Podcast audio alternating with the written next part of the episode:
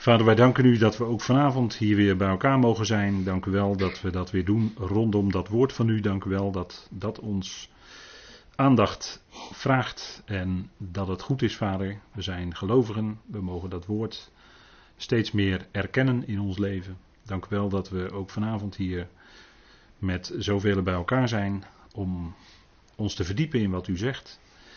Om brood te krijgen voor ons hart dat daarnaar hongert. Vader, dank u wel dat u ons dat levende water van uw woord geeft. En vader, geef ook dat het zo mag doorstromen naar de anderen toe. Dank u wel dat u ons daartoe inzet als gemeenteleden. Dank u wel dat we deel mogen uitmaken van dat huis van u. En dank u wel dat daarin ook die waarheid verkondigd mag worden, vader. De waarheid die voor vandaag geldt. Ook speciaal de Filipensbrief is daarin zo belangrijk. We danken u daarvoor dat u zoveel jaar geleden Paulus dat liet opschrijven en het bewaard is gebleven als uw woordvader. We danken u daarvoor. We danken u voor de rijkdom die we in Christus hebben ontvangen. We danken u dat we in Hem ook een nieuwe schepping zijn en dat we zo mogen kijken naar de ander, naar onszelf en zo kijken met de ogen van u. En dat steeds meer. Vader, leid ons daarin en dank wel dat we ook mogen leren van de gezindheid van Christus, Vader. Dat gedeelte waar we nu nog in bezig zijn. Wat zo centraal staat in deze brief. Geef ons daarin inzicht en wijsheid. Ook vanavond in het spreken en in het luisteren. Vader, mag het zijn tot opbouw van ons geloof. En bovenal tot lof en eer van uw naam. We danken u daarvoor in de machtige naam van uw geliefde zoon. Amen. Goed, wij uh, lezen met elkaar. En ik wil dat doen, Filippenzen 2. En dan in het midden van vers 7. Filippenzen 2, vers 7. In de gelijkenis van de mens geworden en in de gedaante als mens bevonden, verootmoedigt hij zichzelf, gehoorzaam wordend tot aan de dood, ja, de dood van het kruis. Daarom ook verhoogt God hem uitermate en schenkt hem in genade de naam die is boven alle naam, opdat in de naam van Jezus zich alle knie buigt van de hemelingen en van hen die op de aarde en van hen die onder de aarde zijn. En alle tong van harte beleid, Heer is Jezus Christus tot verheerlijking van God de Vader. Daarom, mijn geliefden, zoals jullie altijd gehoorzamen, niet alleen bij mijn aanwezigheid, maar nu veel meer bij mijn afwezigheid, werkt je eigen redding met vrezen en beven uit, want God is het die in jullie zowel het willen als het werken voor zijn welbehagen bewerkt. Tot zover. De vorige keer zijn we begonnen met het gedeelte vers 9 tot en met 11. En daar willen we vanavond ook op verder gaan. Dat is uh, het gedeelte waarin gesproken wordt over de verhoging van Christus. En God verhoogt hem uitermate hoog. Dat is bijzonder dat dat er zo staat. Hij is verhoogd boven alle andere schepselen. En dat is het resultaat van de gang die hij gemaakt heeft, om het zo maar te zeggen. Door lijden naar heerlijkheid is een vast bijbels thema. Het gaat niet buiten het lijden met lange ei om. Doorlijden naar heerlijkheid. Dat gold ook voor de zoon die als mens op aarde kwam en als mens heel diep heeft moeten lijden.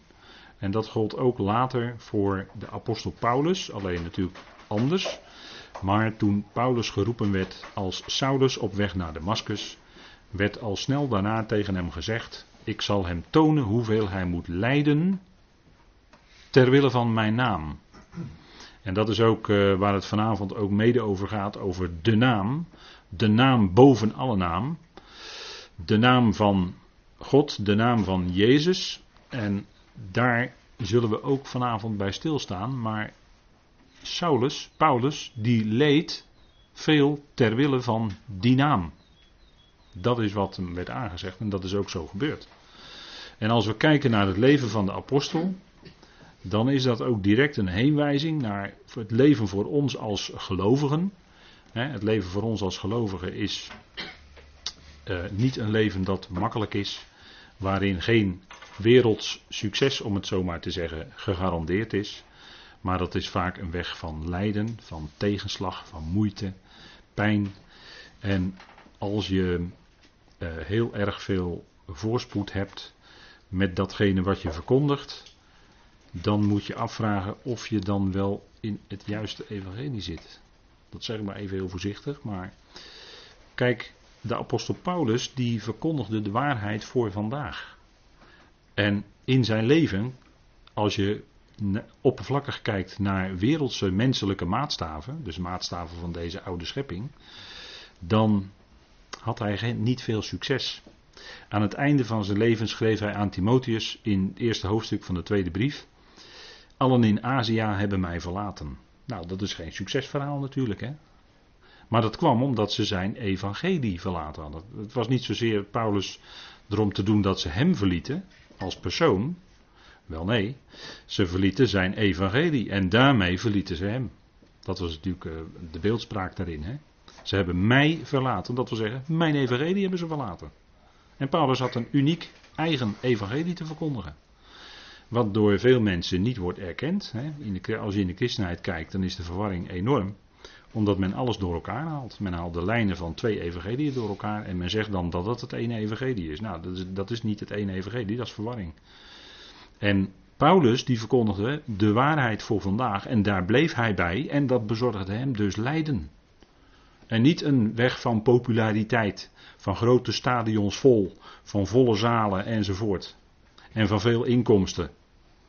Wel nee, dat was een heel andere weg. Van soms echt armoede lijden, van verdrukkingen lijden, pijn lijden, de 40 min 1 slagen krijgen, schipbreuk lijden, noem alles maar op.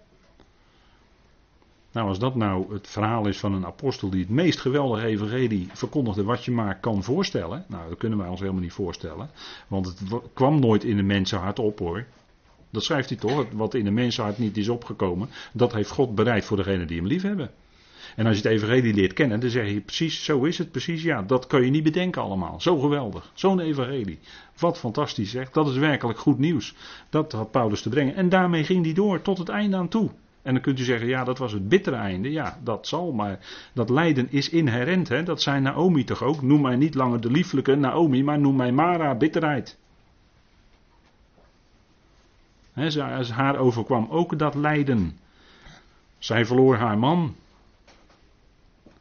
En verwanten. Dat was geen makkelijke weg.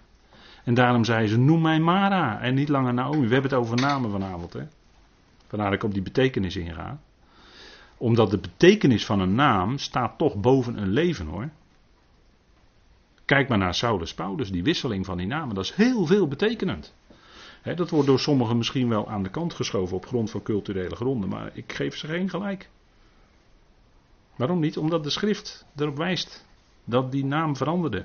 Dat staat in de schrift en dan is het van belang. Dus dan schrijven we dat culturele argument zo aan de kant. Het schriftuurlijke argument zou namelijk de boventoon voeren. boven alle andere argumentatie. dat geldt altijd natuurlijk als we het hebben over zaken die vanuit de wereld of vanuit de wetenschap, of wat er ook voor door mag gaan, ons aangedragen wordt. Dan staat de schrift altijd hoger dan de wetenschap. Altijd. En zolang de wetenschap de schrift steunt, prima. Maar zodra de wetenschap zich het aanmatigt om boven de schrift te gaan staan, dan is het niet thuis en dan schuiven we de wetenschap aan de kant, want de schrift vertelt datgene wat de waarheid is. Ook over de schepping en alles wat daarmee te maken hebben. Ook over de geschiedenis. Onlangs vond men uh, een zegel van uh, Jezaja. En die vond men in dezelfde laag. En jullie, dat is leuk hè. Ik zeg altijd, je moet blijven graven daar. Dan kom je het vanzelf allemaal tegen. Nou, Jezaja kwam je dus ook tegen. En dat zat in dezelfde laag als koning Hiskia. Klopt, klopt. Want in Jezaja 38 lezen we over Hiskia, weet u wel. Jesaja 37, 38, hè, die, uh, die schaduw die 15 treden terugging enzovoort. Hè. Nou, tijdgenoten, klopt allemaal. Dus in dezelfde laag vind je dan ook resten van waar je Hiskia op terugvindt en waar je Jesaja op terugvindt. De namen. Jawel. En zo blijkt dus dat wat de schrift aangeeft, dat dat gewoon ook zo is. En het wordt steeds weer bevestigd. Hè? Ik vind dat altijd wel humor. Ik, dat is een beetje humor van God, vind ik die mensen allemaal maar denken dat het allemaal niet klopt in de Bijbel. En, en, ze vinden het vanzelf terug. En al die stemmen die gaan steeds meer verstommen van ja, ja, ja, ja het klopt toch allemaal wel. Nou, God heeft hem aan zijn rechter, aan zijn rechterhand, uitermate verhoogd. En dat woord verhogen, dat komen we in de schrift diverse keren tegen. Onder andere in Johannes 3. Laten we maar even met elkaar opzoeken. Het woord verhogen. En er is natuurlijk een wetmatigheid hè, met dat verlagen en vernederen en verhogen. Johannes 3. Johannes 3.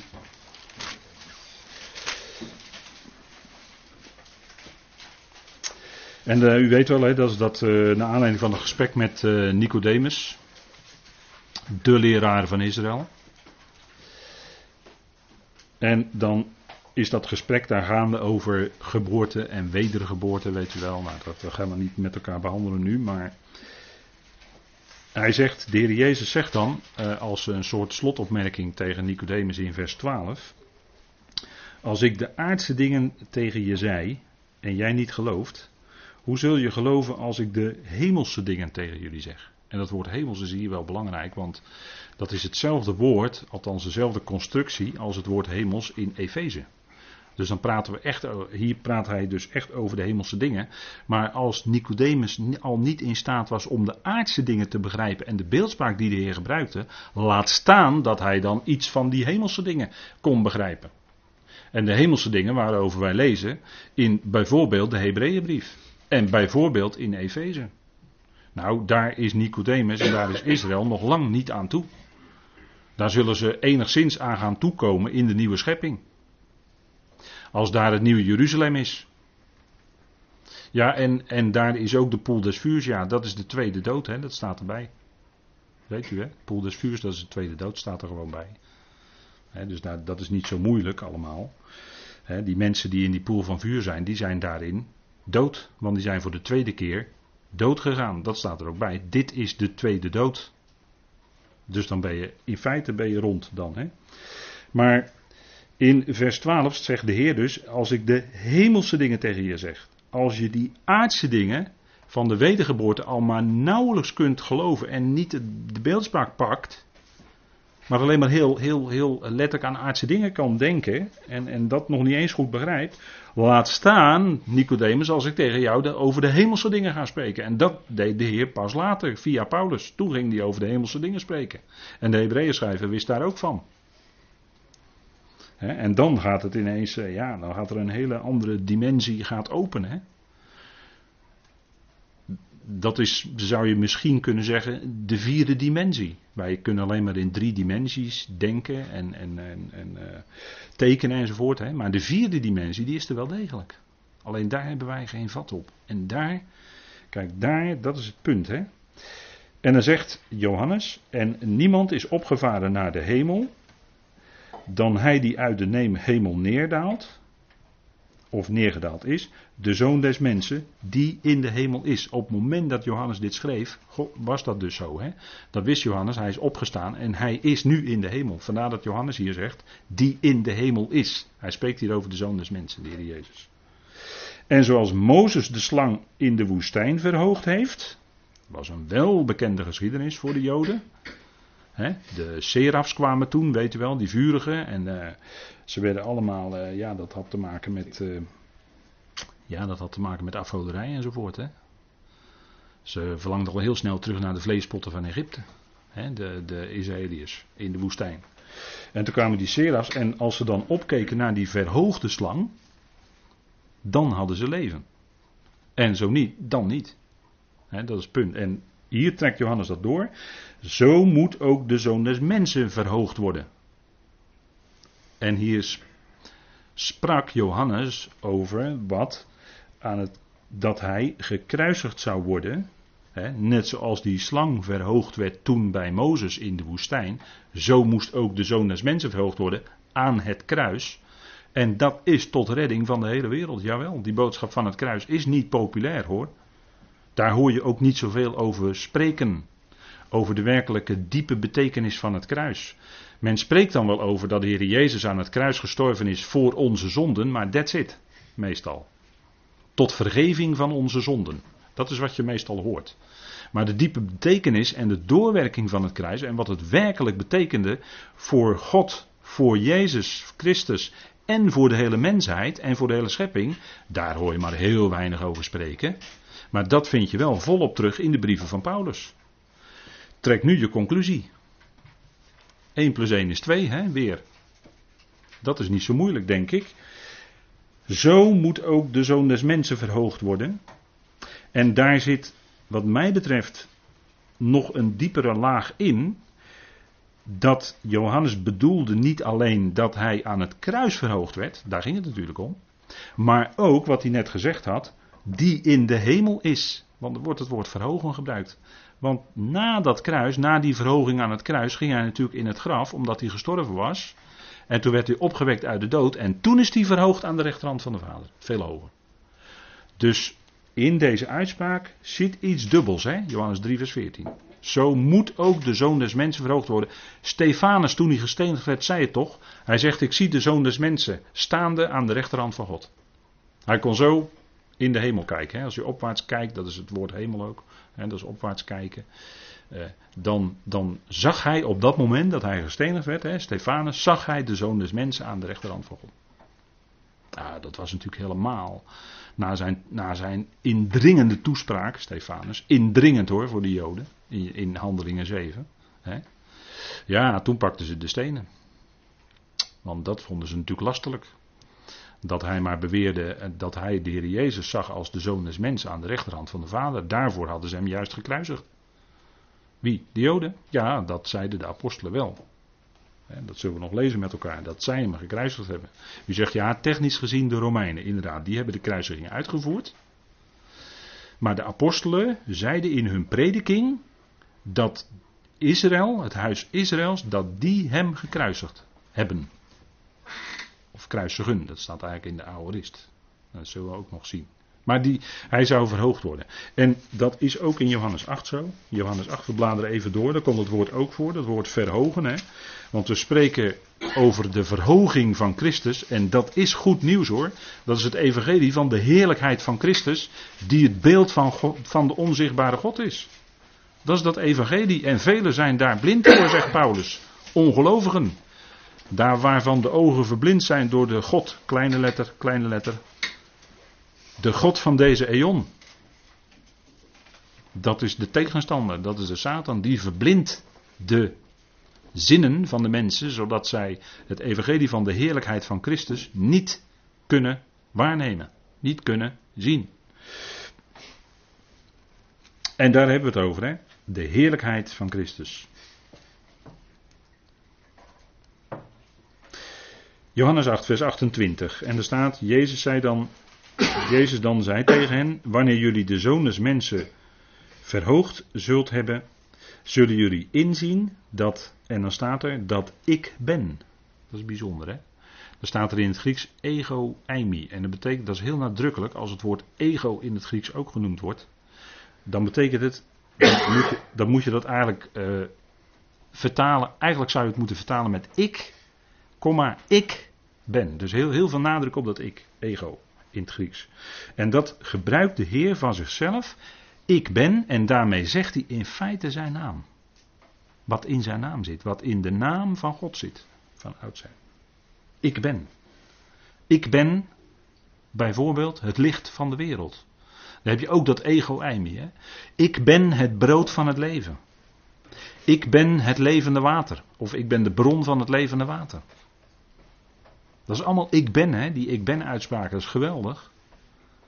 En daarin zegt de Heer eigenlijk dat Hij het beeld is van die onzichtbare God, wiens naam Jawel is. En dat zullen we nog met elkaar zien vanavond.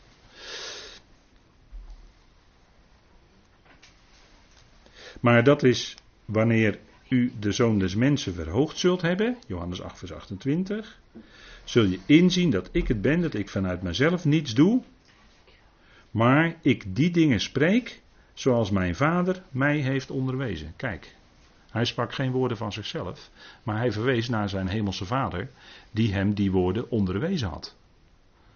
zo afhankelijk was de Heer van de Vader. En hij wilde ook alleen maar de wil van de Vader doen. Hij wilde alleen maar dat spreken wat Vader hem onderwezen had. Wat een ootmoedigheid, hè? Wat een gezindheid spreekt hieruit. En daar gaat het ook om in Filippenzen. Om zijn gezindheid, ootmoedigheid, laag dus. Hè, zich niet verheffend, maar zich juist verootmoedigend. En dan zegt hij in vers 29, die mij zendt, is met mij. De Vader heeft mij niet alleen, niet alleen gelaten, omdat ik altijd doe wat hem welgevallig is. Nou, en die weg, dat is in feite ook de weg voor ons. Hè? Dat we ons lichaam stellen tot een levend, heilig en God welgevallig offer. God welgevallig offer. U hoort het, hè? dat zijn dezelfde woorden eigenlijk als wat de Heer Jezus hier zegt. Dat is eigenlijk de consequentie van het evangelie. dat, dat, dat wat God in, in ons binnenste uitwerkt door zijn geest, door het evangelie in ons te spreken, die woorden komen, die werken in ons, dat werkt in ons iets uit, daadwerkelijk. God is het die het willen en het werken in ons bewerkt, hebben we gelezen aan het begin van de avond. Die werkt in ons uit dat wij ons lichaam stellen tot een levend, heilig en God welgevallig offer. En dat zegt Paulus, doe dat met beroep op al die barmhartigheden van God, die hoofdstukken lang in de Romeinenbrief uit, uiteengesteld, uh, die heeft hij uit, uit mogen stallen hè, in die etalage van God, hè, de Romeinenbrief. Geweldig, fantastisch. Wat een geweldige medelijden, barmhartigheden van God hebben wij ontvangen. En op grond daarvan, zegt Paulus, stel dan je lichaam tot een levend, heilig en God welgevallig offer. En als je dat evangelie echt goed leert kennen, dan wil je dat ook. Dan doe je dat ook dan is dat. Uh, ja, dan zeggen we, dan is dat niet zo moeilijk meer. Nou ja, maar dat, dat is die, die werkingskracht van God in ons. En dat is het geweldige wat het Evangelie in ons uitwerkt. Zoals de Heer Jezus zei: Ik doe altijd wat Hem welgevallig is. En dat is, dat is het leven wat Hij uitleefde. In ootmoedigheid. Hè? Hij wilde de wil van de Vader doen. Hij zegt dat ook in Johannes 12, hè, bekende tekst.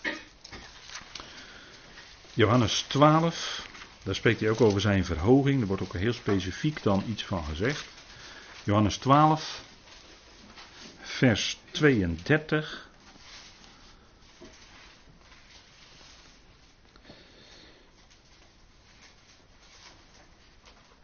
En dan spreekt hij al toe, in feite al toewijzend naar het kruis ook. Hè. En ik, als ik van de aarde verhoogd ben, zal allen naar mij toetrekken. En dit zei hij om aan te duiden welke dood hij zou sterven. Ziet u het? Dus hij wees al, hij verwees al naar die dood aan het kruis. En toch zit ook hier in dat 32e vers, als u het mij vraagt, toch weer iets dubbels in dat verhogen. Wordt niet alleen gedoeld op het kruis, dat staat natuurlijk in de toelichtingen bij, bij vers 33, zeker, zeker. Dat zouden we onderstrepen. Maar hij zegt wel, als ik van de aarde verhoogd ben, zal ik allen naar mij toetrekken. Dat deed hij niet aan het kruis. Dus in dat verhogen verwees hij wel impliciet naar dat kruis, alleen op basis daarvan zou hij uiteindelijk na zijn verhoging, en dat was natuurlijk Gods plan, zal hij allen naar zich toetrekken. Allen, hè, staat hier. Dat is wat. Dat is wat. Er staat gewoon evenredig hier. Hè. En dat is wat we natuurlijk volop lezen. En dan komt daar weer de, de menigte, hè? Die, die zegt dan allerlei dingen. En daaruit bleek eigenlijk het ongeloof. En dan staat er in vers 37. Maar hoewel hij zoveel tekenen in hun bijzijn gedaan had, geloofden zij niet in hem. Dat was de tragiek. Hij kwam tot het zijne en de zijne hebben hem niet aangenomen. Dat staat in Johannes 1 al. En hier zitten we eigenlijk aan het einde van zijn aardse bediening. En u ziet, het was geen, ook op aarde was het geen succesverhaal. En later, Paulus ging die heerlijkheid verkondigen en is ook geen succesverhaal. Het komt niet bij de mensen aan. Hè? En het was bij de Heer ook zo. Hij kwam tot het zijne, maar de zijnen hebben hem niet aangenomen. Hier staat het. Hè? Zij geloofden niet in hem. En dat is opdat het woord van de profeet Jezaja vervuld werd dat hij gesproken heeft. Heer, wie heeft onze prediking geloofd en aan wie is de arm van de Heer geopenbaard? Dat vroeg Jezaja zich af. Hè? Jezaja 53 is dit, of 52, 53, die koers. En dan staat er, daarom konden zij niet geloven. Let op dat dat er staat, hè? Dat, is een, dat is een tussenzinnetje, maar het is heel fundamenteel hoor. Zij konden niet geloven, het was onmogelijk omdat Jezaja verder gezegd heeft, hij heeft hun ogen verblind en hun hart verhard, opdat ze niet met de ogen zouden zien en met het hart inzien en zich bekeren en ik hen zou genezen. Hij heeft hun ogen verblind en hun hart verhard. God heeft hun gegeven, zegt Paulus later in Romeinen 11, een geest van verdoving, een geest van diepe slaap, zodat zij het niet kunnen zien. Wat zeg je? Ja, dat zegt God. door Paulus. Paulus schrijft dat God geeft hun een geest van diepe slaap. En daarom konden zij niet geloven. Als God die geest van verdoving, van diepe slaap niet gegeven had, hadden ze wel geloofd. Dus, nou, je moet even omdraaien, dan heb je het gelijk helder, het plaatje. Maar ze konden niet geloven omdat God dat niet bewerkte door zijn geest in hen op dat moment. God hield het tegen. Ja, ik mag dat bijna zo niet zeggen, maar de schrift zegt het hè, zo. God hield het tegen dat zij geloofden. Ze konden niet geloven. Want het plan van God was dat Israël, voor wat hun bediening betreft, tijdelijk terzijde gesteld zou worden. En later komen ze weer in de bediening, dat gaat binnenkort gebeuren. Hè. Het ritselt daar natuurlijk voortdurend in dat Midden-Oosten. Binnenkort gaat uh, Trump geloof ik naar, uh, naar Israël komen als die ambassade geopend wordt. Hè. Nou, natuurlijk uh, veel retoriek van de omgeving natuurlijk daar. Hè. Uiteraard. Maar daar is van alles natuurlijk aan de hand. En de Israël zal weer in hun bediening komen. Ze zullen koning en priester zijn in de komende duizend jaar. Natuurlijk wel. Dat komt. God heeft dat aangezegd. God heeft de belofte gegeven. Die blijven gewoon staan. Of ze dat verbond nou verbroken hebben of niet. God heeft onvoorwaardelijke belofte gegeven. En die doet hij gestand. Klaar. dat heeft God gesproken. En zo zal dat volk in hun bediening komen. Maar nu, voor wat hun bediening betreft, zijn ze tijdelijk terzijde gesteld. Ze zijn nog steeds natuurlijk Gods volk, natuurlijk. Tuurlijk zijn ze Gods volk. Dat blijkt uit elke bladzijde van de Bijbel, eh, kan je dat eh, bijna teruglezen. Maar nu wordt de gemeente geroepen, dat was punt. En daarom in die tijd dat de Heer daar was, konden zij niet geloven. Er waren natuurlijk wel gelovigen, maar als volk, als geheel, geloofden zij niet in hem. Ze namen hem niet aan als de Messias. En nog steeds, helaas. Het is verdrietig als je het leest, maar het is zo. En als God die verblinding en die verdoving opheft, want dat, is, dat zal God ook doen op zijn tijd, als die dat opheft, ja, dan zullen ze natuurlijk zien die ze doorstoken hebben. Zeker wel. Jawel. Dan zullen ze zien dat hij het was. En wat ze gedaan hebben. Ja, wat dacht je wat? Zacharia zal in vervulling gaan. Kom, kom. Handelingen 2, vers 33. En daar getuigt de apostel over de verhoging van Christus. Over wat er gebeurd is. En dat doet Petrus, de apostel Petrus, de leider van de apostelen van de besnijdenis. want die had de sleutels gekregen van het koninkrijk der hemelen. Nou, hij gebruikte ze hier, de Pinksterdag, gebruikte hij die sleutels. maar hij mocht dat doen. He. Weet wel, Matthäus 16, u bent de Christus, de zoon van de levende God. Zalig ben jij, Simon Barjona, zei hij toen. Zalig ben jij, maar daarna zei hij wel tegen de discipelen: St, mondje dicht. Mag je niet over praten. En dat zei hij wel vaker. Hè? Na de verheerlijking op de berg. Zei hij, daarna zei hij: mondje dicht. Niet over praten. Ze deden natuurlijk toch. net zoals die Melaatse die genezen was. Die mocht er niet over praten. Nou, hij ging het natuurlijk aan, al, aan iedereen vertellen. He, daar ben je natuurlijk vol van. Als je echt genezen bent, hè, dan ben je daar vol van. Ja, tuurlijk. Als je melaatsheid ineens is opgegeven. Hè, dan ben je ineens helemaal wit. Dan ben je rein hè, voor de priester. Maar dat mochten zij niet vertellen, want dat hoorde nog bij het punt dat hij nog verborgen was. En dat is wat we ook voortdurend teruglezen, hè, dat hij zich verborg. Handelingen 2, nu is het wel openbaar dat hij is opgestaan, maar hij heeft zich 40 dagen lang niet uitdrukkelijk vertoond in Jeruzalem en in Judea, maar hij had met de discipelen afgesproken, als het ware. Ik zal jullie voorgaan naar Galilea en daar zal ik jullie, eh, daar zal ik mij laten zien aan jullie. En dat deed hij ook hoor. Aan, meer, één keer aan meer dan 500 broeders tegelijk. Nou, wil je dan nog meer bewijs hebben? 500 ooggetuigen die hem gezien en getast hebben? Wou je nog meer bewijs hebben dan dat hij is opgestaan? Nee toch? Dat is toch overduidelijk? dat zegt Paulus toch allemaal in 1 Korinthe 15. Hij is opgewekt uit de dood.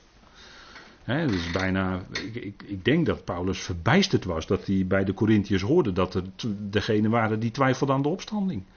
Daar ben je dan echt verbijsterd over, dat kan ik me voorstellen. Dat je dan zo gaat schrijven in 1 Korinthe 15, ja, natuurlijk ga je het onder bewijs stellen. En de apostelen die getuigden van het feit dat hij is opgestaan. Hè? En dacht u dan dat Petrus en die twaalf dat die gek waren? Nee toch? Hè? In het begin dachten ze wel dat die vrouwen gek waren, maar die waren helemaal niet gek, want die hadden hem gezien. En toen, pas toen ze hem gezien hadden, waren ze overtuigd. maar ze geloofden de ooggetuigen niet. En dat is vandaag aan de dag nog steeds. Men gelooft de ooggetuigen niet.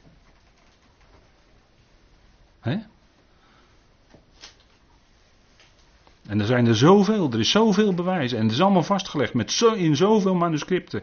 Ja, als we daarover beginnen. Maar eh, kijk, Petrus die getuigde daarvan, Handelingen 2, dat aangezien hij een profeet was, vers 30 begin ik even te lezen, aangezien hij een profeet was en wist dat God hem met een eed gezworen had dat hij uit de vrucht van zijn lichaam, of er staat eigenlijk van zijn lenden, dit wordt gezegd over David, dat David niet alleen een koning was, maar Petrus stelt hier vast dat hij een profeet was.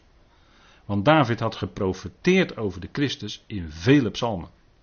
En hier haalt hij Psalm 16 aan. Als een van die vele waarin David profeteerde over de Messias? Jezus. En dat die op zijn troon gezet zou worden. Voorzag hij en zei hij over de opstanding van Christus dat zijn ziel niet verlaten is in het graf en dat zijn vlees geen verderf heeft gezien. Psalm 16 hè, citeert Petrus hier, geleid door Heilige Geest. Deze Jezus heeft God doen opstaan waarvan wij allen getuigen zijn. Hij dan die door de rechterhand van God verhoogd is. En de belofte, u ziet het hier, hè, de verhoging. Hij dan die door de rechterhand van God verhoogd is. En hier speelt Petrus toe op Psalm 110, hè, Psalm 110, vers 1. En is belofte van de Heilige Geest ontvangen heeft van de Vader, heeft dit uitgestort wat u nu ziet en hoort. Dus hoe is het gegaan? De Heer ontving de Heilige Geest van de Vader. En vervolgens kon de Heer die Heilige Geest toedelen en uitstorten over wie hij wil. Dat zegt Petrus hier. En dat had de Heer ook gezegd in die opperzaal. Daar had hij over deze dingen gesproken. En zo is het precies gegaan. En dan zegt Petrus: David is immers niet opgevaren naar de hemelen, maar hij zegt: De Heer heeft gesproken tot mijn Heer: Zit aan mijn rechterhand. En dat is Psalm 110, vers 1, voluit. Totdat ik uw vijanden neergelegd zal hebben als een voetbank voor uw voeten. Het woord voetbank is wel aardig in de grondtekst. Betekent het eigenlijk onder de voeten. Iets wat onder de voeten zit of staat. als, dan is het een voetbank. Laat dan heel het huis van Israël zeker weten dat God hem tot Heer en Christus gemaakt heeft. Deze Jezus die jullie gekruisigd hebben. Of die jullie kruisigen, staat eigenlijk in de Aorist hier. Als een feit. Zonder tijdsaanduiding. In feite, dan staat het er gewoon. Een Aorist is een feit. Wordt neergelegd als een feit. Die jullie, zegt Petrus, kruisigen. Wie? Het huis van Israël. Dat, dat zegt Petrus hier. Hè? En daarmee zegt hij ook in die toespraak dat de Heer Jezus nu verhoogd is aan de rechterhand van God. God heeft hem verhoogd. En dat is, dat is uh, de, eigenlijk het tegenovergestelde van wat de Heer zelf heeft gedaan. Hij heeft zichzelf namelijk vernederd, maar dat zullen we nog gaan zien. En over die verhoging, daarover wordt gesproken. En ik heb op deze dia heb ik nog een aantal teksten over Cafarnaum en nog een aantal andere aspecten. En ik wil er nog eentje van met u lezen. Dat is Lucas 18, vers 14. Lucas 18, vers 14. En dat is het principe wat we ook terugvinden in Filippenzen 2. Dus dan zitten we met Lucas 18 ook gelijk in Filippenzen 2.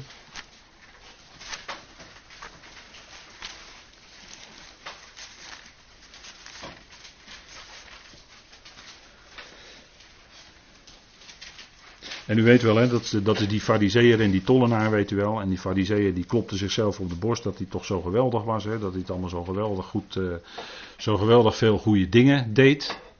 Zo geweldig veel goede dingen deed. Hè.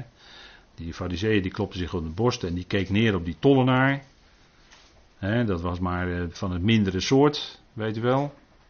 Hè. En die tollenaar die zei, o God, ja, in de vertaling staat, wees mijn zondaar genadig. Eigenlijk staat, o God, uh, maak voor mij een bescherming. En daar verwees hij in feite naar het verzoendeksel in, het, in, de, in de tempel. Daar verwees hij eigenlijk naar. O God, maak voor mij een bescherming. Staat hilasmos. He, dus wees mijn zondaar genadig is een uh, wat uh, ongelukkige vertaling wat mij betreft. Niet zo erg letterlijk. En dan zegt de Heer als slot van, die, van wat hij vertelde. Ik zeg u, deze ging gerechtvaardigd naar zijn huis. Wie? Die tollenaar. In tegenstelling tot die andere, die fariseer, want ieder die zichzelf verhoogt, zal vernederd worden. En dat, kijk, dat is wat. Hè? Dat is een principe wat de Heer hier neerlegt. zo, en dat principe vinden we in, op heel wat schriftplaatsen terug hoor. Uh, Lucas 10 uit mijn hoofd gezegd ook. En Lucas 14, die tekst die ik er aangehaald heb, staat dat ook. En dan komt het. En wie zichzelf vernedert. En daar heb je weer, hè, met dat vernederen twee keer in deze tekst. Dat is weer dat woord tapeinon in het Grieks. Dat betekent laag. Of wie zichzelf verootmoedigt, mag je ook vertalen. Of wie zichzelf vernedert, zo wilt. He, zo is het hier dan vertaald. Die zal verhoogd worden. Kijk, en dat is wat we bij de Heer Jezus zien. Hij vernederde zichzelf, hij verootmoedde zichzelf. En wat gebeurde daarna? Hij werd door God verhoogd. Dat is het punt, hè? En dat is precies tegengesteld aan de mens. Want de mens van vandaag, die moet zichzelf verhogen. Ik zal het even met een eigentijds woord zeggen, dat gebruik ik wel vaker. De eigentijdse mens moet vooral heel erg assertief zijn. Je moet heel erg opkomen voor jezelf. Hier ben ik. En dan moet je je helemaal. Uh, hè? Nou, je moet je gewoon voordoen alsof je beter bent dan de rest. Zo'n beetje, daar komt het op neer. Hè? Wie zichzelf verhoogt, zegt de Heer Jezus, die zal vernederd worden.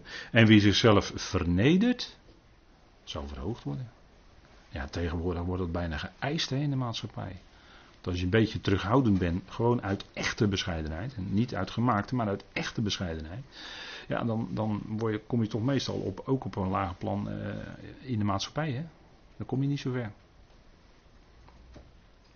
Maar als je assertief bent en je gebruikt flink je ellebogen en vooral je mond, ik kon net het goede woord zeggen, je mond, als je die goed gebruikt, dan, uh, ja, nou, dan kom je wel aardig ver hoor. In deze maatschappij tegenwoordig. Hè? Ja. Maar ja, de Heer Jezus spreekt toch over andere dingen. En dat is ook wat de Evangelie van Paulus naar voren brengt in de Filippenzenbrief. Daar spreekt, daar spreekt Paulus erover dat de Heer Jezus zichzelf ver, verootmoedigd heeft. Als mens, hè? Als mens. terwijl die zonde zonde was.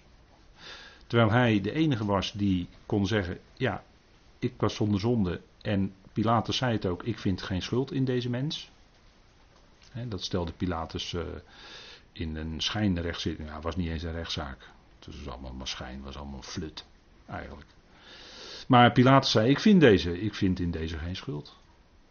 In deze schuld. En toch werd niettemin werd hij toch gekruisigd. En hij heeft dat ondergaan. Hè? Hij, heeft, hij, heeft, hij heeft zich daarin geschikt, zeggen we dan.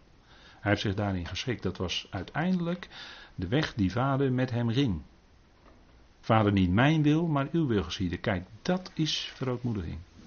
En dat is moeilijk hoor. Als je ziet en weet wat op je afkomt, dat is moeilijk. Dat is moeilijk. Dat je heel bewust zo'n weg gaat en ondergaat. En je in feite laat meevoeren door. Dat is moeilijk hoor. Als je zelf verootmoedigt, die zal verhoogd worden. Kijk, dat is, dat is een wetmatigheid die de Heer Jezus hier neerlegt. Voor ons als gelovigen. Dat is de weg die hij zelf gegaan is als het grote voorbeeld. Hè. Wij zouden Christus navolgen als het gaat om zijn gezindheid. wij wandelen niet in de voetstappen van Jezus, dat is heel wat anders. Maar wij volgen wel Christus na. wij volgen niet Jezus na, maar wij volgen Christus na. Als u begrijpt wat ik bedoel. En dan gaat het om zijn gezindheid. Dan gaat het om zijn gezindheid. Dan gaat het om die ootmoedige gezindheid waarin hij zich opstelde als laag en niet hoog. En hij wist dat door dat lijden heen die heerlijkheid zou komen. Daar wist hij van natuurlijk. En, dat, en vader gaf hem ook de kracht om dat te kunnen doormaken. Petrus die getuigt daar ook van in Handelingen 3, daar getuigen de apostelen. U weet wel een bekende tekst hè, Handelingen 3 vers 21, ik heb hem hier even op deze dia gezegd. Hem moet de hemel ontvangen tot de tijden van wederoprichting van alles waarvan gesproken is door de heilige profeten vanaf de eon. Dat is zijn verhoging. Hè? Hem moet de hemel ontvangen. Dat wil zeggen, hij komt aan die rechterhand van God. Waar? Nou, in de hemel, te midden van de hemelingen.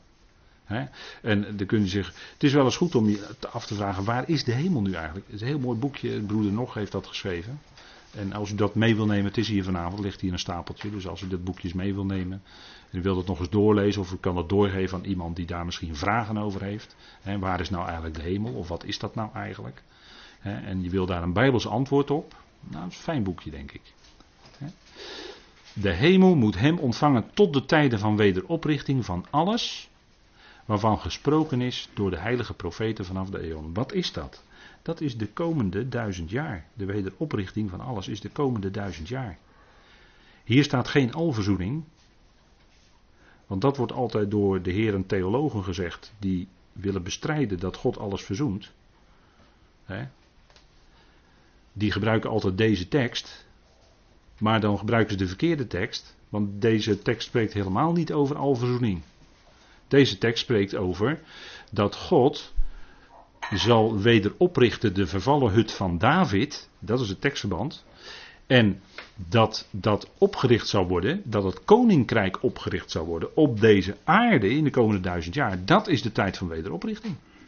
En daar hebben de heilige profeten vanaf de eon over gesproken. En in de vertaling wordt het natuurlijk wegvertaald. Hè. Er wordt van oudsher of wat ze er dan ook allemaal maar van maken. Hè, omdat ze gewoon met dat woord aion helemaal geen raad weten dat is ook zo ontstaan in de loop van de geschiedenis. dat het eh, woord aion eeuwigheid is gaan betekenen. Is ook een boekje van trouwens. Hoe komt men toch aan eeuwigheid? Dat is echt taalstudie, maar er wordt het wel haarfijn in uitgelegd hoe het gegaan is. Hoe het begrip aion vanuit de Bijbel, door de, door de, in het Latijn enzovoort, is het allemaal eeuwigheid gaan betekenen. Eindeloze eeuwigheid is een filosofisch begrip geworden. Want eindeloze eeuwigheid weten wij helemaal niet wat het is.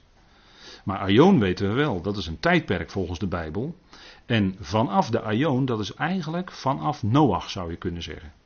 Die uitdrukking vanaf de Aion, enkelvoud, wordt drie keer gebruikt. Ik heb, ik heb die drie vindplaatsen op deze dia gezet. En dat zijn al die profeten die geprofeteerd hebben, laten we maar zeggen, vanaf Noach. dat het koninkrijk zou komen, dat het, dat het opgebouwd zou worden. Nou, al die profeten hebben daarvan gesproken. En uh, u moet die teksten maar eens nalopen. Hè. Lucas 1, daar spreekt Zacharia ook daarover. U weet wel, Zacharia en Elisabeth, die Johannes de Doper kregen. Daar waren ze ook geweldig blij mee.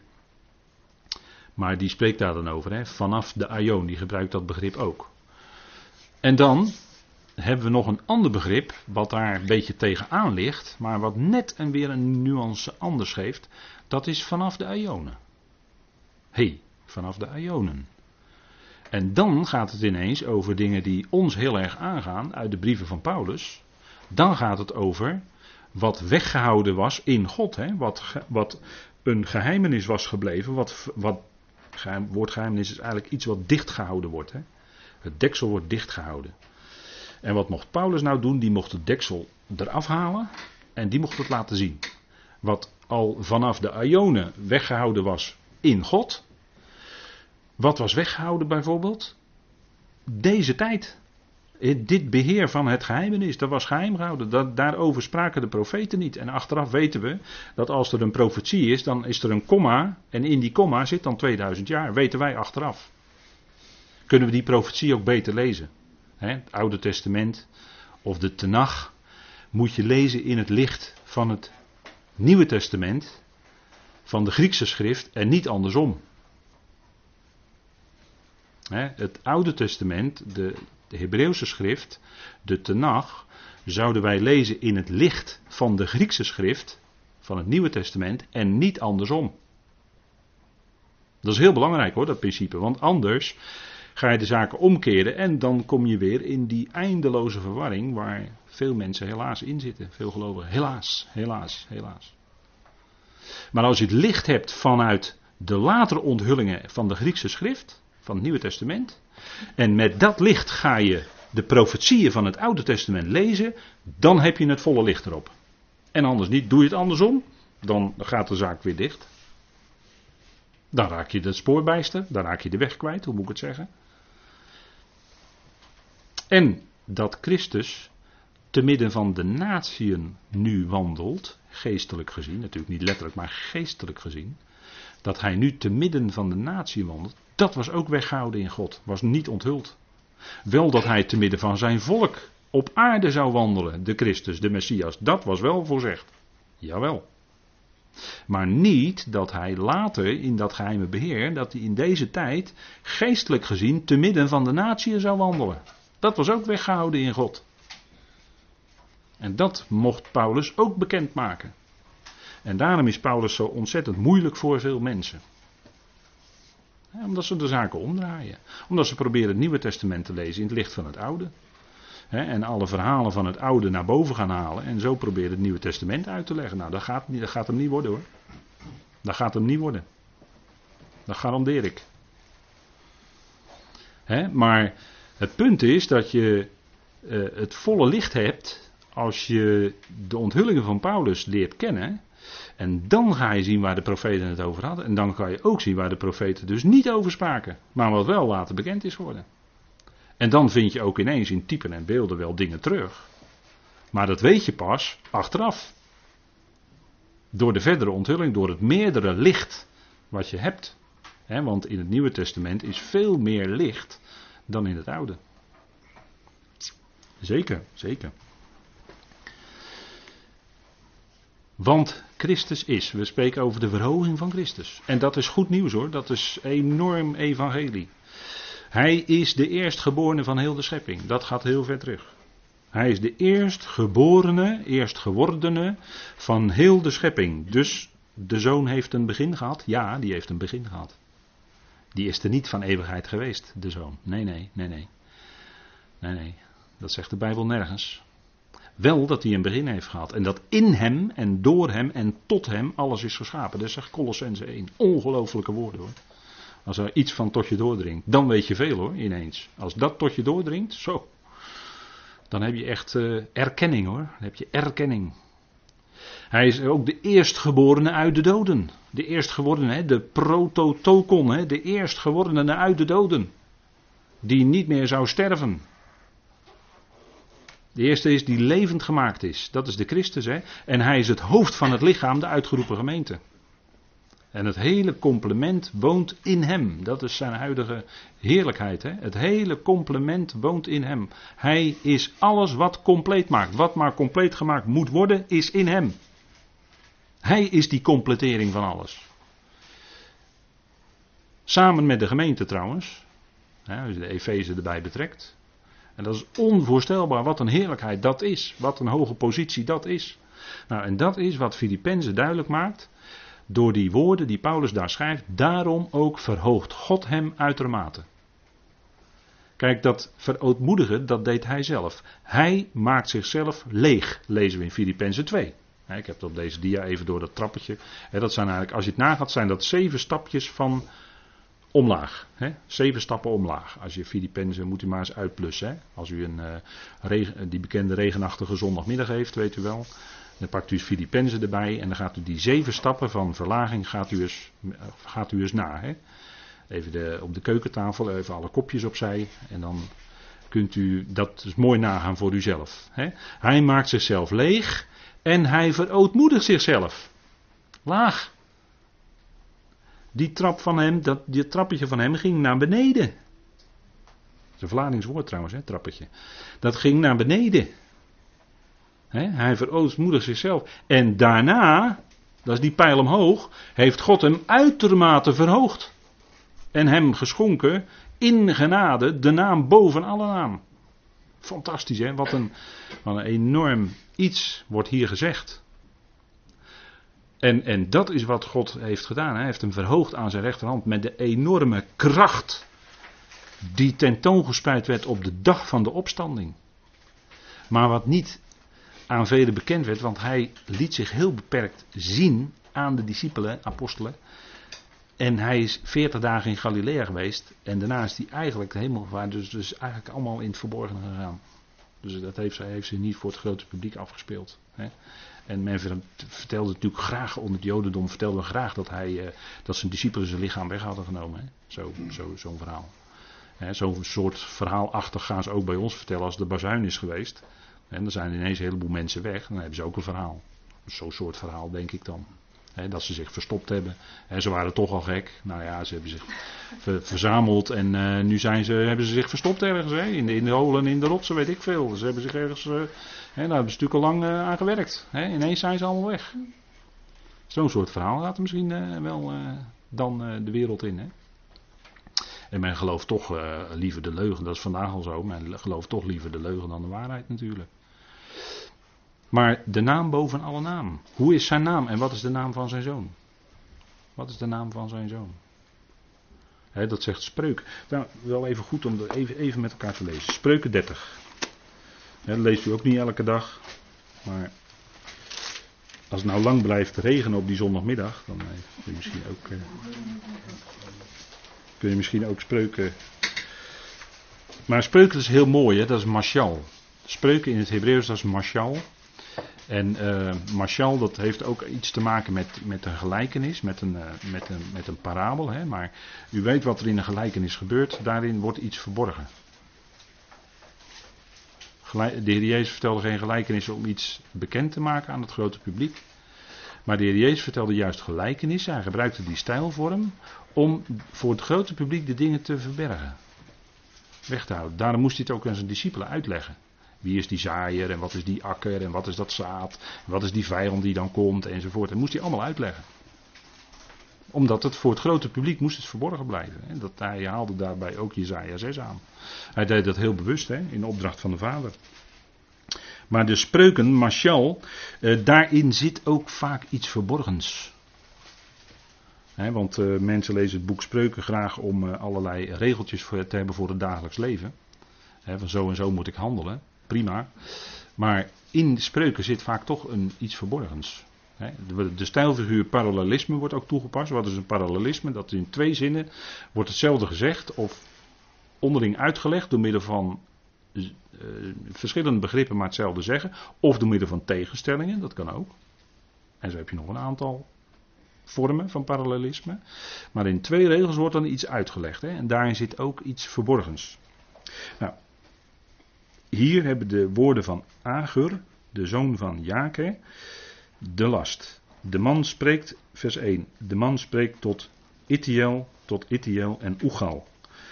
En als je hier de concordante vertaling op naslaat, op deze eerste zin, dan zegt hij eigenlijk, Heere God, ik ben heel erg moe. Ik ben moe, God, zegt hij eigenlijk. En het is hier dus heel anders vertaald. Hè? Goed, laat maar even klinken. Voorzeker, ik ben onverstandiger dan iemand anders. Ik heb geen menselijk inzicht. Ik heb geen wijsheid geleerd. En de kennis van de Heilige, staat er eigenlijk, niet bezeten. Wie is naar de hemel opgestegen en neergedaald? Wie heeft de wind in zijn beide handen verzameld? Hé, hey, dat is cryptisch hè dit. Cryptisch. Over wie zou dit nou gezegd worden? Wie heeft de wateren in een kleed gebonden. Die vind ik wel mooi. Wie heeft de wateren in een kleed gebonden? Gaat over de scheppingen. Dat is wat. Wie heeft alle einden van de aarde vastgesteld? Het lijkt bijna het boek Job wel, hè? Vragen die gesteld worden. En dan komt het. Hoe is zijn naam? En hoe is de naam van zijn zoon? U weet het immers. En die naam, dat is de naam van God. En de naam van zijn zoon, dat zal later bekend worden. Ieder woord van God is gelouterd. Hij is een schild voor hen die tot hem de toevlucht nemen. Voeg niets toe aan zijn woorden, anders zal hij u corrigeren. En blijkt en zou blijken dat u een leugenaar bent. Dat betekent, als je dus toevoegt aan die woorden van God, Wat doe je dan? Dan ga je er dus iets aan toevoegen wat er niet staat. Dan ga je dus jou, jij gaat er iets inleggen. En daarmee wordt niet het woord van God, maar daarmee ga jij een beetje jokken, zeg maar. daar komt het op neer. Hè? Dat is wat, uh, wat, wat, wat hier gezegd wordt. Hè? Kijk, dat is kostbaar. Hè? Ieder woord van God is gelouterd. Hè? Is verfijnd of is uh, gefilterd, zou je kunnen zeggen. Hè? Dat zegt Psalm 12 ook heel mooi. Hè? Dat elk woord van God, voordat hij dit opschrijven, als het ware zeven keer door een filter is gegaan. Zegt Psalm 12, dacht ik uit mijn hoofd. Zeven keer door een filter gegaan, voordat God het heeft laten opschrijven. Moet je nagaan, hè? dat zijn die woorden van God. Hè? Die woorden heeft hij laten neerschrijven. En als je dan gaat toevoegen aan die woorden, ja, dan blijkt dat je dat, dat niet dat woord van God, maar dat jij bezig bent de zaak te veranderen, te verdraaien. Maar de vraag is, hoe is zijn naam? En hoe is de naam van zijn zoon? En die komt verderop naar voren. En dan zegt de spreukenschrijver, vers 9: Anders zou ik verzadigd u verloochenen en zeggen: Wie is Yahweh? Dat is de naam. Dat is de naam van God. Hè? Dat is bekend en dat is ook wat aan de Heer is geschonken. Daarom verhoogt God hem uitermate en schenkt hem in genade de naam die is boven alle naam. En dat is de naam Yahweh. Als je dat letterlijk overzet, zoals uh, broeder Nog dat heeft gedaan, dan heb je I-E-U-E. Maar dat is dan een letterlijke transcriptie of transliteratie van de naam. Maar de naam is Yahweh. En daarin zit eigenlijk verleden, heden, toekomst. Daarin zit eigenlijk, vanuit de werkwoorden die gebruikt worden, en, en hier en dan heel aan, uh, ja, op een bepaalde manier aan, met elkaar verbonden zijn, wordt, zijnde, was. Dat zit eigenlijk allemaal in de naam. Hè. Dat wil zeggen, hij is, ze vertalen het altijd ook met ik ben. Maar in de oude vertaling zie je vaak ik zal zijn staan. En dat is ook, dat is niet verkeerd, maar het geeft allebei iets weer van die naam. Ik ben, als de Israëlieten nou vragen wie heeft jou gestuurd, Mozes, dan moet je zeggen, ik ben. Jawel, heeft gestuurd. Of ik zal zijn, ik zal er zijn. En je kunt ook zeggen, hij die was, die is vandaag en hij zal er morgen ook zijn. En de gebeurtenissen van vandaag, die zijn niet doelloos. Maar, nou spring ik even door naar Paulus. Die doet hij meewerken tot het goede. Wie? God. Gebeurtenissen van vandaag, hij was er gisteren. En hij wist al wat er vandaag zou gebeuren. En hij weet ook wat er morgen gaat gebeuren in uw leven. Niet alleen in het grote wereld gebeuren, maar ook in ons persoonlijk leven. Weet hij ook precies wat gaat gebeuren. Wat de moeilijkheden zijn, wat, wat het lijden is, wat, eh, noem maar op. wat er allemaal kan gebeuren in een mensenleven. Dat, dat kan ontzettend zijn. In korte tijd. Maar dan is het geweldige dat we weten dat Hij nabij is. Hè. De Heer is nabij, zegt Paulus ook in dezezelfde Filippense brief. De Heer is nabij. In de moeite waarin wij zitten, Hij is nabij. En we kunnen Hem toch danken, omdat we weten dat Hij het tot het goede zal uitwerken. Dat staat, dat staat voor ons vast. Hè. Wij weten nu, zegt Paulus. Wij weten. Dat klinkt voor mensen vaak irritant in de oren. Maar wij weten nu dat God alle dingen doet medewerken tot het goede. Wie? God. Wij overzien de hele weg niet, maar Hij wel. Wij weten niet wat moet zijn, maar Hij weet het wel. En daarom zijn we vaak in verlegenheid. Wat moet je nou bidden? Wat moet je nou bidden voor die broeder of zuster die in grote nood is? Wat moet je nou bidden? Je weet het vaak niet. Want je weet niet wat moet zijn misschien kan je vaak alleen maar bidden dat, dat, dat de Heer daarin nabij is en dat Hij die kracht geeft en die, die vermogen geeft om op dat moment eronder te kunnen blijven staan. En, en misschien meer niet, want wij, weten niet, niet wat moet zijn. En vaak is het moeilijk, vaak is het lijden, vaak is zijn er problemen. maar hij is redder, want dat zegt de naam Jezus ook. Jehoshua, hier op deze dia staat hij eronder in het Hebreeuws. Jehoshua, dat is Yahweh, redder. En dat is eigenlijk wat zijn naam betekent. Hè? God schenkt hem in genade de naam die is boven elk andere naam. Daarin zit die naam van God zelf, Yahweh. En gecombineerd met redder.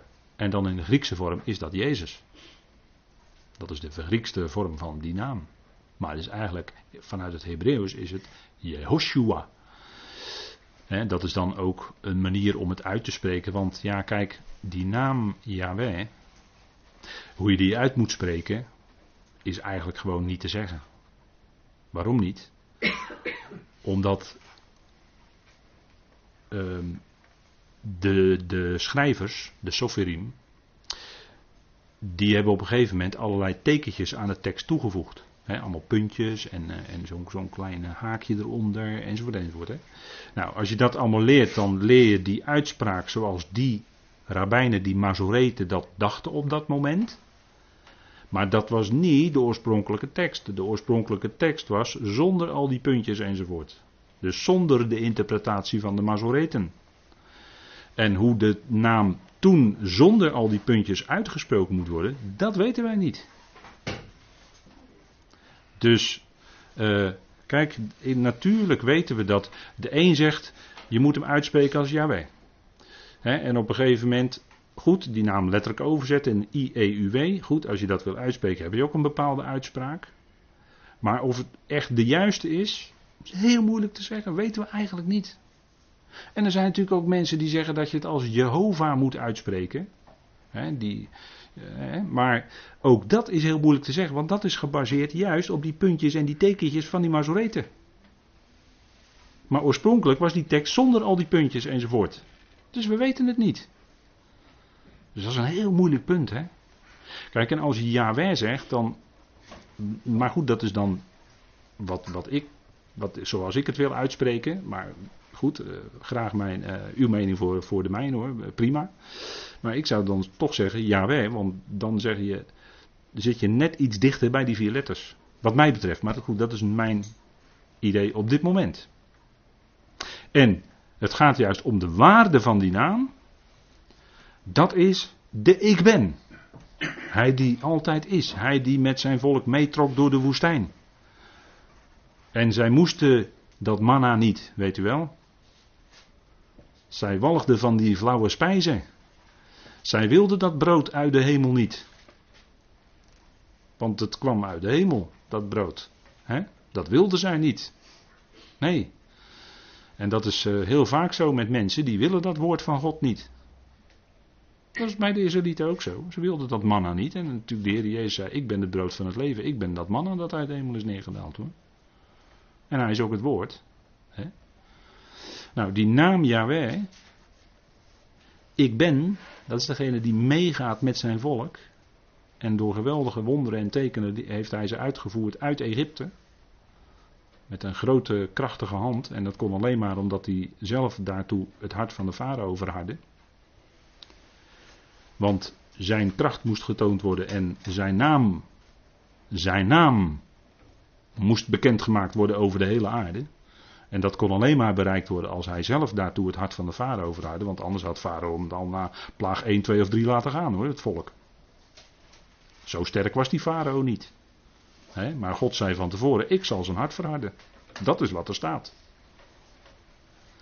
En dat deed hij ook. En daarom, uiteindelijk, was het met een grote en machtige hand. En werden die grote daden van, van eh, God, die worden nog steeds verteld aan de Joodse jongetjes als ze aan de zedermaaltijd zitten nog steeds verteld. Dus die naam van God, en er wordt nog steeds eh, films van gemaakt. En die naam van God, die wordt dus verbreid over de hele aarde en verheerlijkt. toen hij zo vlakbij het land was, kwam uh, Sion, de koning, uh, en Sion, en er was nog zo'n koning. die probeerde het volk tegen te houden. Hebt u wel eens gelezen hoe dat kwam? Die volkeren die hem tegen wilden houden. Dat kwam omdat de Heer, God, verhardde hen, zodat zij dat volk wilden weerstaan. Dat, dat staat er, moet u maar eens nazoeken. dat, dat, dat, dat, lees je nooit in de Bijbel, maar het staat er allemaal wel hoor. en zo ging God en zo kon God weer laten zien dat hij de God van Israël is en dat hij degene is die dat volk uitleidt en doorleidt en inleidt in het land Canaan. Onder wie? Onder de Jozua die een type is van de grote Jozua, die Jezus Christus. Die zijn volk vele, vele, vele jaren later via diezelfde route weer het land binnen zal laten trekken als hij zijn koninkrijk gaat oprichten. Daar was die hele geschiedenis van onder Jozua een type van. Profetisch net zoals we bij het boek Openbaring gezien hebben, dat het oprichten van het beeld bij Nebukadnezar een type is wat in de eindtijd gaat gebeuren. Als het beeld van het beest wordt opgericht, Openbaring 13, en iedereen dat verplicht moet aanbidden, zoals bij Daniel ook. Ze moesten allemaal verplicht het beeld van Nebukadnezar aanbidden. Die hele geschiedenis is profetisch. En zo was het ook bij Jozua het intrekken in het land waarbij het land door loting werd toebedeeld aan de stammen, is profetisch. Dat gaat zich herhalen in de toekomst dat is de kracht van het woord van God. Want als God zijn naam bekend maakt, als hij bekend maakt wie hij is, en hij de enige levende ware God is, hoe weet men dat? Doordat hij de toekomst voorzegt. Dat staat in Jezaja 43 en 44. De andere goden kunnen dat niet. Ja, je kunt wel eens een orakeltje bij Delphi hebben, maar die stelt helemaal niks voor. Hè? Nee, kijk, die God van Israël, die voorzegt de toekomst. En dat gaat ook gebeuren. Dat is ook allemaal precies zo in vervulling gegaan. en dat, dat, dat geldt voor al die dingen die in die schrift staan. Dat is allemaal profetisch. Dat, is niet, dat, is, dat is niet één laag, maar er zitten wel drie, vier of vijf lagen in. Maar dat gaat allemaal in de toekomst gaat het allemaal vervuld worden. Hoe? Tot in detail zoals God dat voorzegd heeft. Exact. Dat is de God van Israël. Dat is de enige ware levende God. En hoe heet hij? Hij heet Yahweh. En die naam, Yahweh, die komt naar voren in de naam Jezus. Dat betekent Yahweh is redder. Want hij mocht dat reddende werk namens Yahweh doen. En dat is fantastisch. En die reddingsmissie die slaagt glansrijk, want hij redt iedereen. Alle mensen. God is de redder van alle mensen en hij bewerkt dat door zijn zoon. En nu in zonderheid van degenen die nu geloven, zeker, maar dat neemt niet weg, dat versterkt alleen maar het argument dat God de redder is van alle mensen. Dat is wat er staat. En dat is ook wat wij gaan zien na het plan de Reonen. Dan zeggen we, is die er ook? Ja, die is er ook. En die, en die, en die, ja, die zijn er ook allemaal. Iedereen is er. Hoe is het mogelijk zeg? Hitler, ja, is er ook. Ja, sorry dat ik het zeg, maar ja, nou, dat is toch zo. Uiteindelijk wel. Maar het gaat wel via de grote witte troon dan, hè? Via grote witte troon, ongelovigen. Daar komen alle werken aan het licht.